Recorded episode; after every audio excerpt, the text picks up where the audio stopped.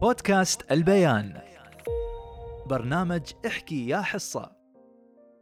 هي الوردة التي تفتحت في شباب سلطان العويس فأطلق العنان للسانه العذب وهو في العشرينيات من عمره لتكون هذه القصيدة شهادة ميلاده الأدبية. كانت النواة الأولى والقصيدة النابعة من القلب تماما على حد وصفه.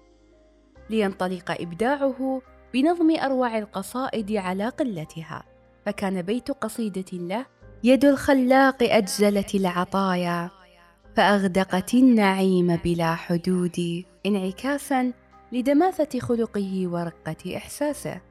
فما كان من مجلة الورود اللبنانية إلا أن تحتفي بعمله الشعري بنشر أول قصيدة له في العام 1970 ضمن إنتاج كوكبة من عمالقة الشعر العربي في ذلك الوقت.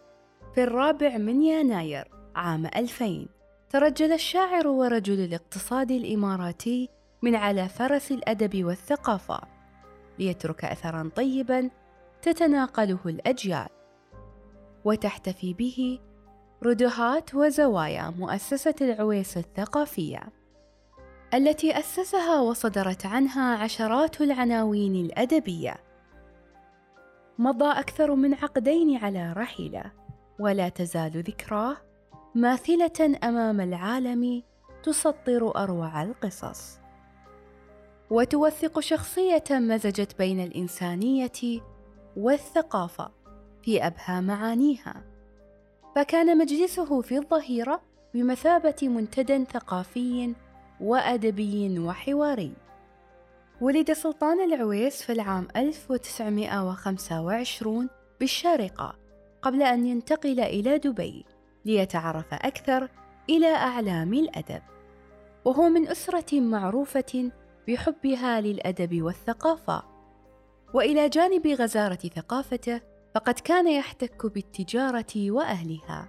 فقد كان والده علي العويس طواشا مشهورا واستفاد من ممارسته التجارة مع والده فتنقل ما بين الهند والإمارات ما أكسبه خبرة واسعة في عالم المال والأعمال.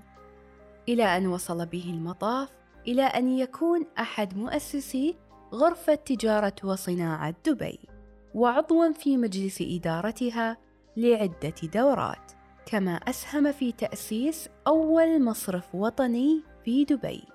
وهو بنك دبي الوطني والذي تولى رئاسة مجلس إدارته لعدة سنوات.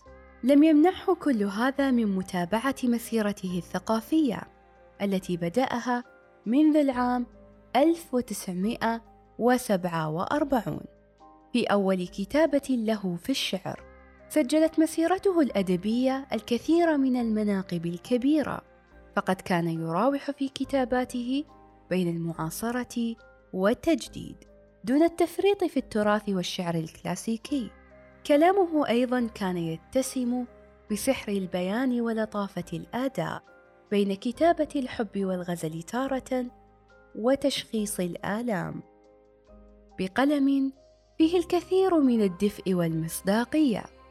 فألف ديوانين للشعر شعر سلطان العويس عام 1985 وديوان سلطان العويس المجموعة الكاملة عام 1993 آمن سلطان العويس أن العمل الصادق الذي ينبع من القلب لا بد أن يبقى ولو مضت عليه الأيام والسنين.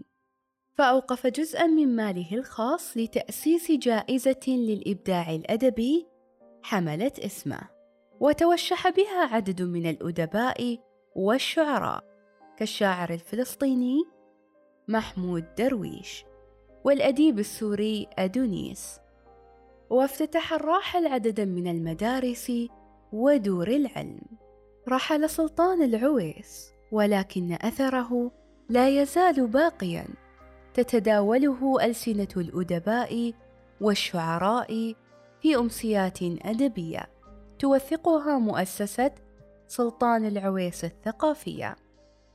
وتتجدد ذكراه كل عام بكثير من دفء الحنين وبلاغة الكلمة وتكتب في شأنه مقالات ودراسات أدبية. على غرار سلطان العويس تاجر استهواه الشعر. رحل من قال خلقت شاعرا وتاجرا في آن واحد ليخلق حركة ثقافية تجاوزت الحدود.